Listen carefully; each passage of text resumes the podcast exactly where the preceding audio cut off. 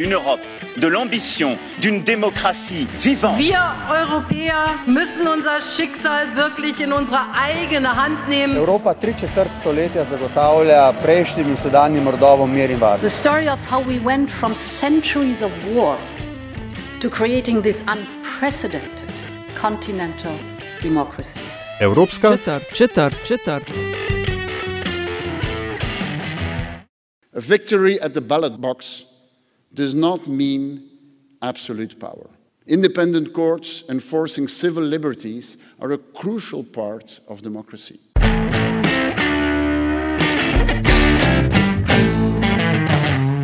You're listening to a podcast on all things European, a podcast we call European Quarter and is a part of Meta's List media network based in Slovenia.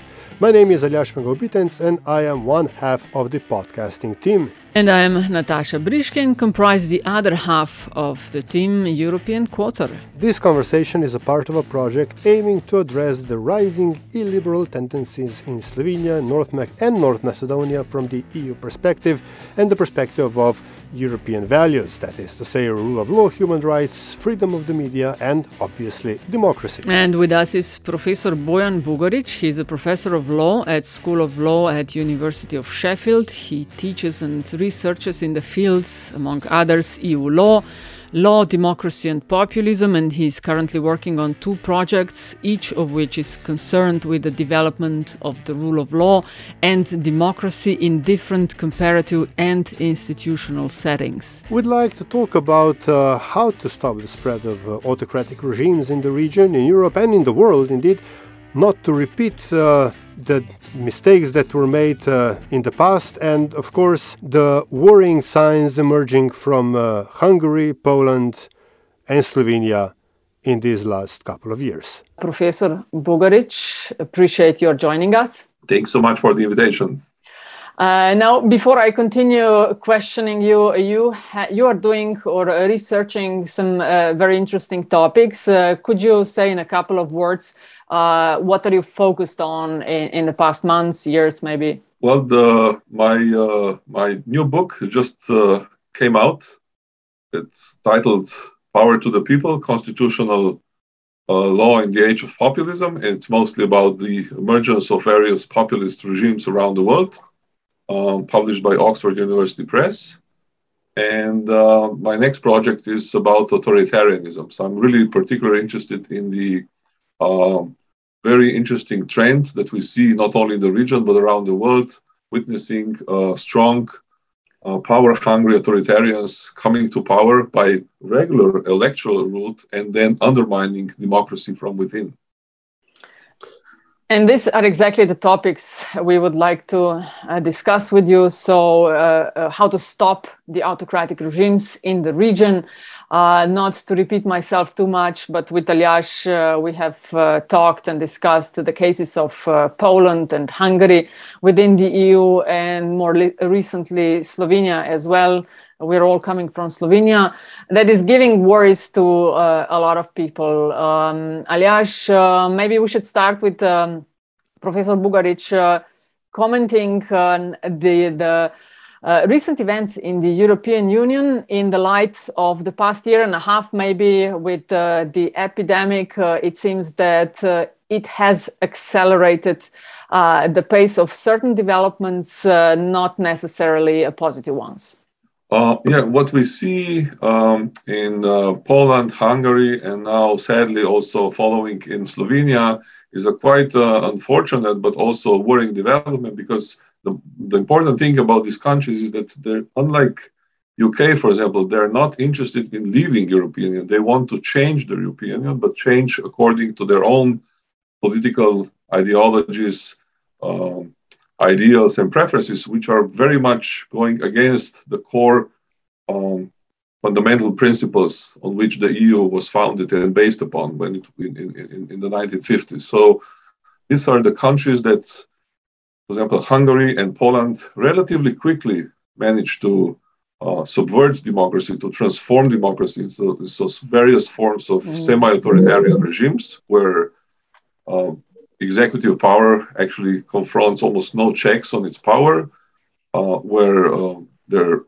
serious violations of human rights, where uh, uh independent institutions are uh, almost all gone, and also where a powerful conservative right wing uh, ideology prevails. But that's not the key point because the usual defense of these authoritarian leaders in the East is that they are being investigated punished, disciplined by you because of their ideological preferences. And I would say that that's not entirely true. The most important thing is that they are violating the core principles of the European Union legal order, which very clearly says in Article 2 which are the core essentials values, fundamental values of the European Union.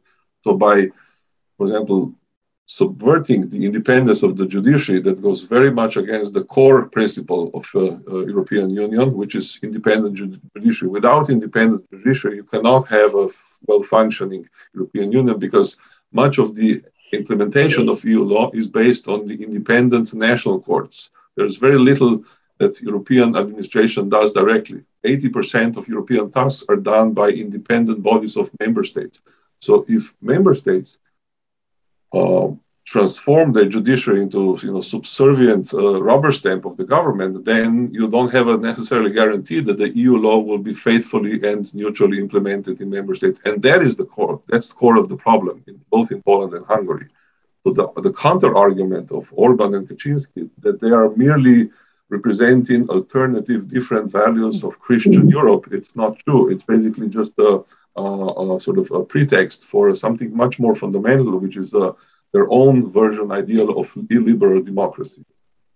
Uh, Professor Bugarič, you've written extensively uh, on the issue, and uh, if I'm not mistaken, uh, about a year ago, one of your scholarly articles became a bit of a political football when uh, Slovenian Prime Minister Janez Janša quoted, or perhaps I should say, uh, uh, misquoted you in, in his, his letter to uh, Commission, European Commission President Ursula von der Leyen. But the, the gist of it, the gist of your writings, as I understand it, is that somewhere along the way, something went horribly wrong and not necessarily only in the last couple of years.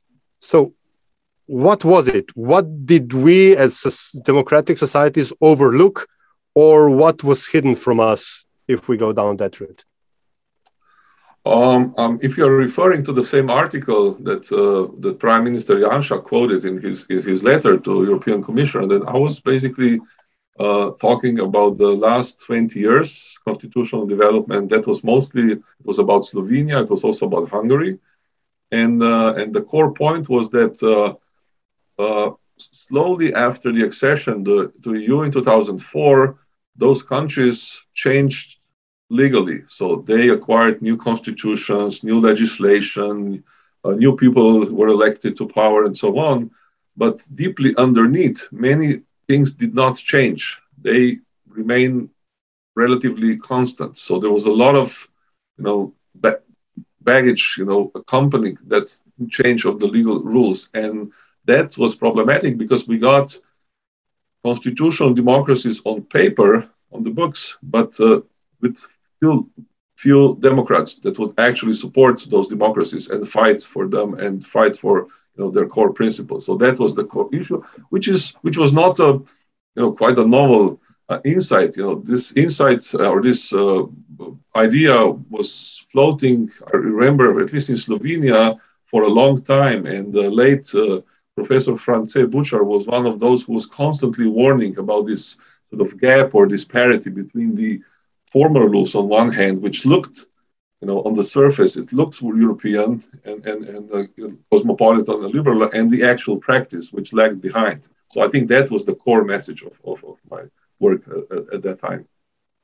If, if you allow me, Natasha, just, just a follow up, uh, would it be um, fair to say that the newly uh, the new accession countries, the, the, the 10 countries that uh, uh, joined the EU in 2004 and then subsequent uh, uh, um, uh, subsequent countries, that they felt that they've achieved their primary political and social goal in joining the EU, not realizing or avoiding the uncomfortable fact that the real work only should have only begun after the accession.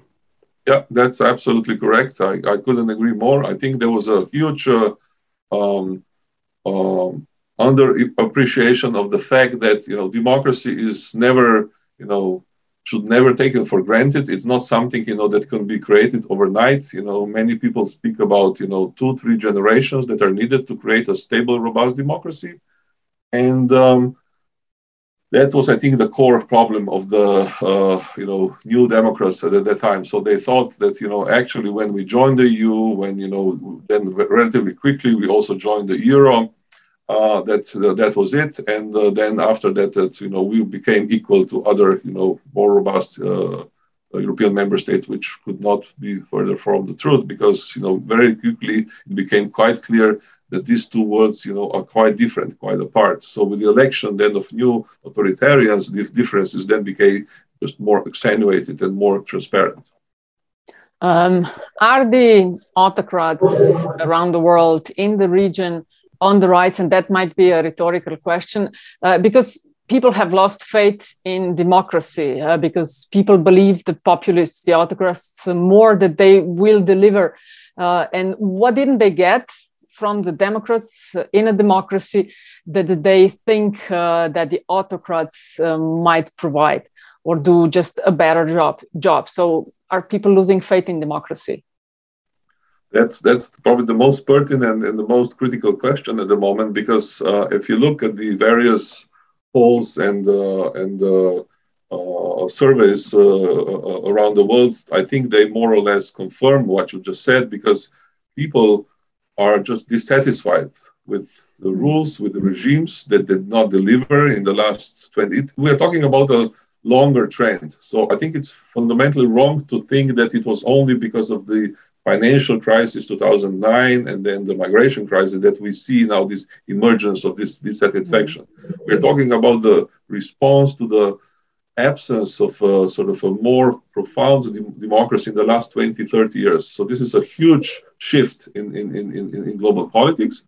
And yes autocrats actually you know promise many different things. So i think that's very important thing to to bear in mind because many people, you know, uh, you know, liberals on the centers and, and on the left think that somehow authoritarians are somehow you know, represent some kind of aberration, that they are a, a, mm. mistake. No, they're elected by the people. You know, in Hungary, they have been elected for the last 11 years. In Poland, uh, six years. You know, Trump still has uh, 74 millions of supporters. So we're talking about democratically elected autocrats. That's something quite different, I would say, compared with most of older versions of autocrats who used military force. You know, so there's this metaphor. You know, if you look at the older models of autocracy, you you know, you just look on the street, you see tanks, military vehicles, and use of weapons. Now, autocrats use elections, use the uh, uh, electoral polls, and uh, they get elected.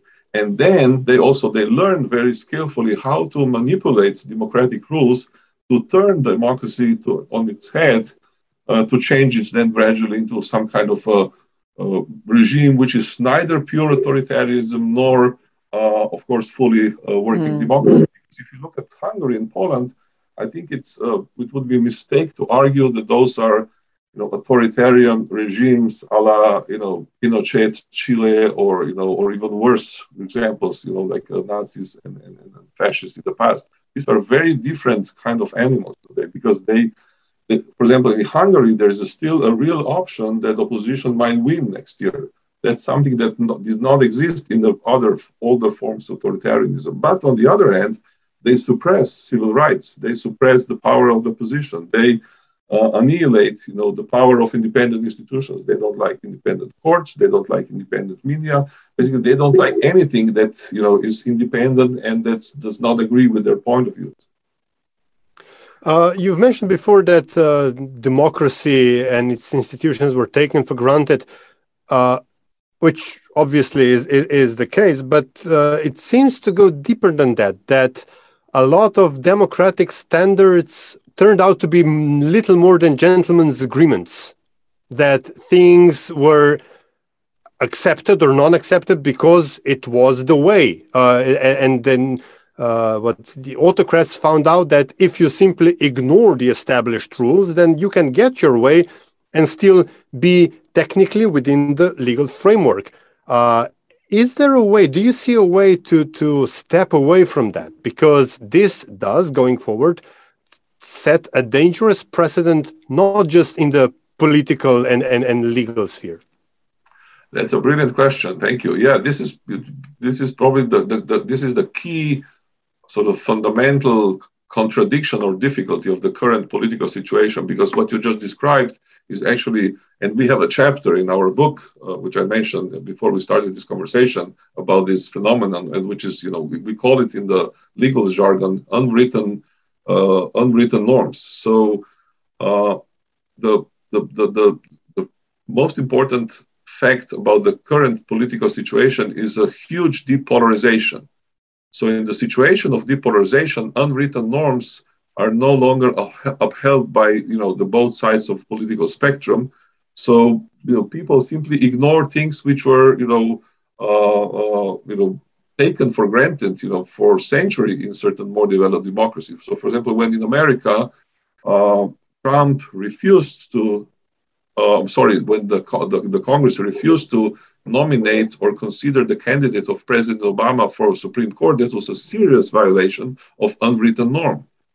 And, uh, and you know, there are many other examples of this kind of unwritten norms. Some people describe them as uh, uh, you know, mutual tolerance. So basically, you treat your opponent with respect and you acknowledge legitimacy of your opponent. Now, the authoritarians slash populists do exactly the opposite. One of the first claims of they make is you know you're a traitor you know you do not represent our country. You work for foreign interest. You know orban is saying that you know all the time not only for george soros but for the opposition. Putin actually invented this vocabulary much before you know orban and kaczynski and others came to power. And uh, trump used this rhetoric and the uh, slovenian prime minister does exactly the same. So basically he sees you know everywhere you know the traitors the enemies. So that's why we have all this conversation that somebody is you know, unnecessarily uh, sort of, you know, trans, trans, transporting our internal problems to, I don't know, Brussels to Europe. But that's, you know, uh, you know, this is a perfectly legitimate, you know, a vibrant uh, democratic discussion which should be conducted on all different kind of levels. But that's that's that's uh, underscores the, the the pertinency of your argument. So how then to protect these un, uh, unwritten norms is, is a very very difficult question because if you have half of the political spectrum that uh, that uh, doesn't care about them, then it's, it's it's quite unclear because what you need is some kind of in America they call this bipartisan support. So with bipartisan support, these things were possible. Now that bipartisan support is gone, it is difficult to think about you know how to sustain unwritten principles. So and that then you know applies in other countries as well. Oh, of course, there are differences, different traditions of these unwritten norms, but you know that's that's I think the, the, the you identified the core sort of uh, cancer of a, of a, a democratic uh, uh, culture at the moment. Um, part of that cancer uh, might also be the rise of uh, populism that uh, you have mentioned, uh, the rise of populists. Uh, and you described before uh, the difference between the autocrats of or in the past and the autocrats of today um, and there are as well the many faces of populisms. Uh, how do you understand them? Yeah that's that's that's another uh, argument that we try to make in the book. We try to distinguish between the authoritarian populist and democratic populist. It's true that if you look around the world you see mostly that uh, authoritarian populists are those that are in vogue today. So there's plenty of them but still there are you know democratic uh, populists like uh, Bernie Sanders, like uh, Syriza was in Greece, like Podemos in Spain, who you know use certain populist techniques and ideological premises, but not with uh, aim or purpose to undermine democracy. Actually, they want to strengthen democracy.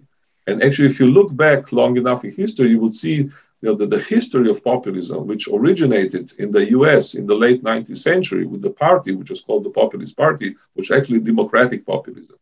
What changed the character of populism was uh, unfortunate development in Europe when Nazis and fascists also movement partake in many aspects on many populist uh, um, uh, uh, core components and claims, which is the distinction between we, the people, the uh, huge antagonism between the elites and the people and use of rhetoric of hatred and so on and so on. So uh, yes, there are democratic populists, there are few around the world, but the core question then becomes, you know, which is like more for political scientists to figure out why we live in the world where there are so few democratic populists.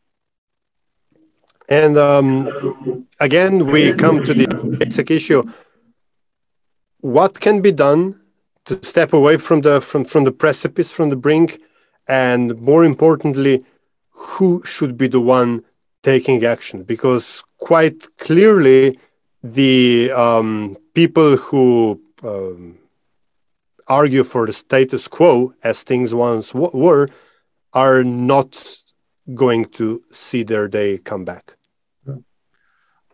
I think I think it's I think it's fair to say that you know it's it's possible to see sort of uh, you know the the way uh, that you know look at the Hungarian case at the moment. You know even though it, it doesn't sound very promising, but at, the, at last you know the opposition parties realize that they need to form a united coalition. That's the only way to defeat Orban.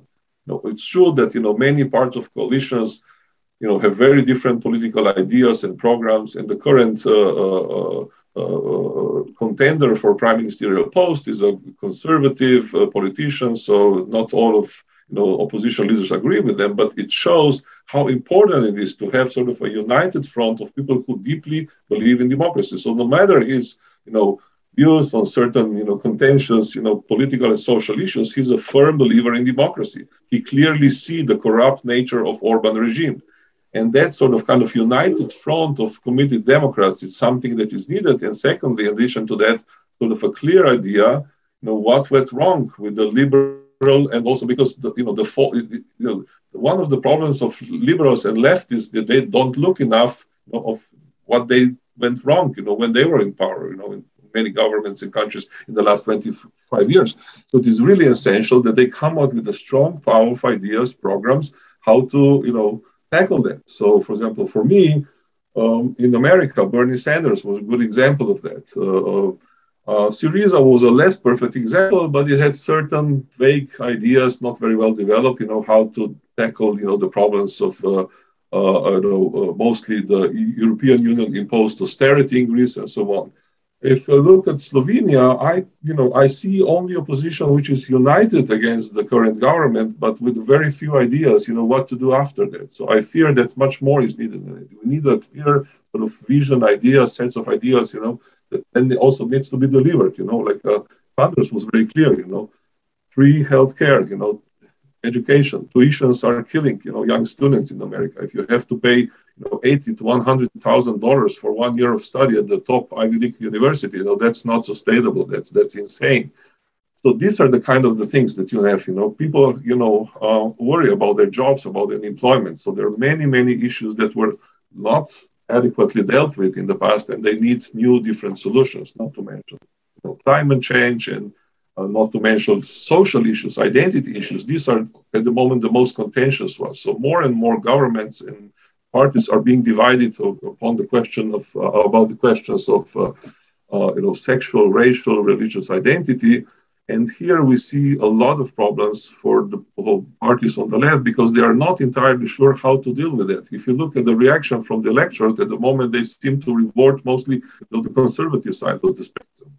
But I think it's fundamentally wrong to think, as some Democrats suggest right now, that it is, would be good to back away for the moment from the social issues and work mostly on the economic issue. I think that a fundamental mistake, which is not very likely to deliver success for Biden Democrats at the moment. I think we need a hard, difficult work on both front, front and also convince the uh, electorate that that's what uh, uh, is you know, mutually reinforcing and, and, and, and connected.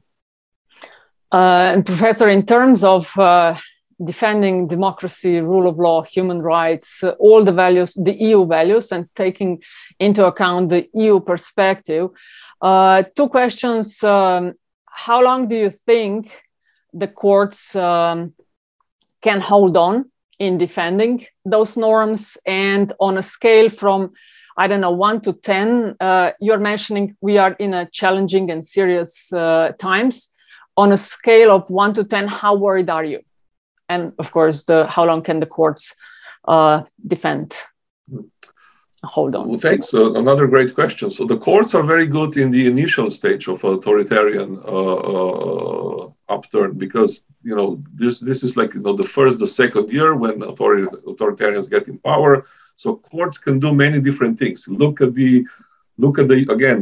I I, I uh, constantly refer to the U.S. case, which is actually a good case because it shows many lessons to the rest of the world. So the courts were essential, you know, in preventing Trump to you know hijack the power illegally you know, after January 6th. So they basically just threw out all the uh, cases because you know they uh, found them uh, uh unfounded. There was no absolutely no empirical evidence for most of the claims. So, so and you look at the Poland. Unlike Hungary, in Poland it seems you have more strongly independently minded independent judges who are also ruling in several instances about the government. In Hungary, you don't see that. So that's that's a good positive lesson. So in the early stage of this of the authoritarian search to power, there's a lot of room for courts to uh, uh, behave like uh, I use this metaphor from uh, my good friend and colleague Tom Ginsburg's work, speed bumps.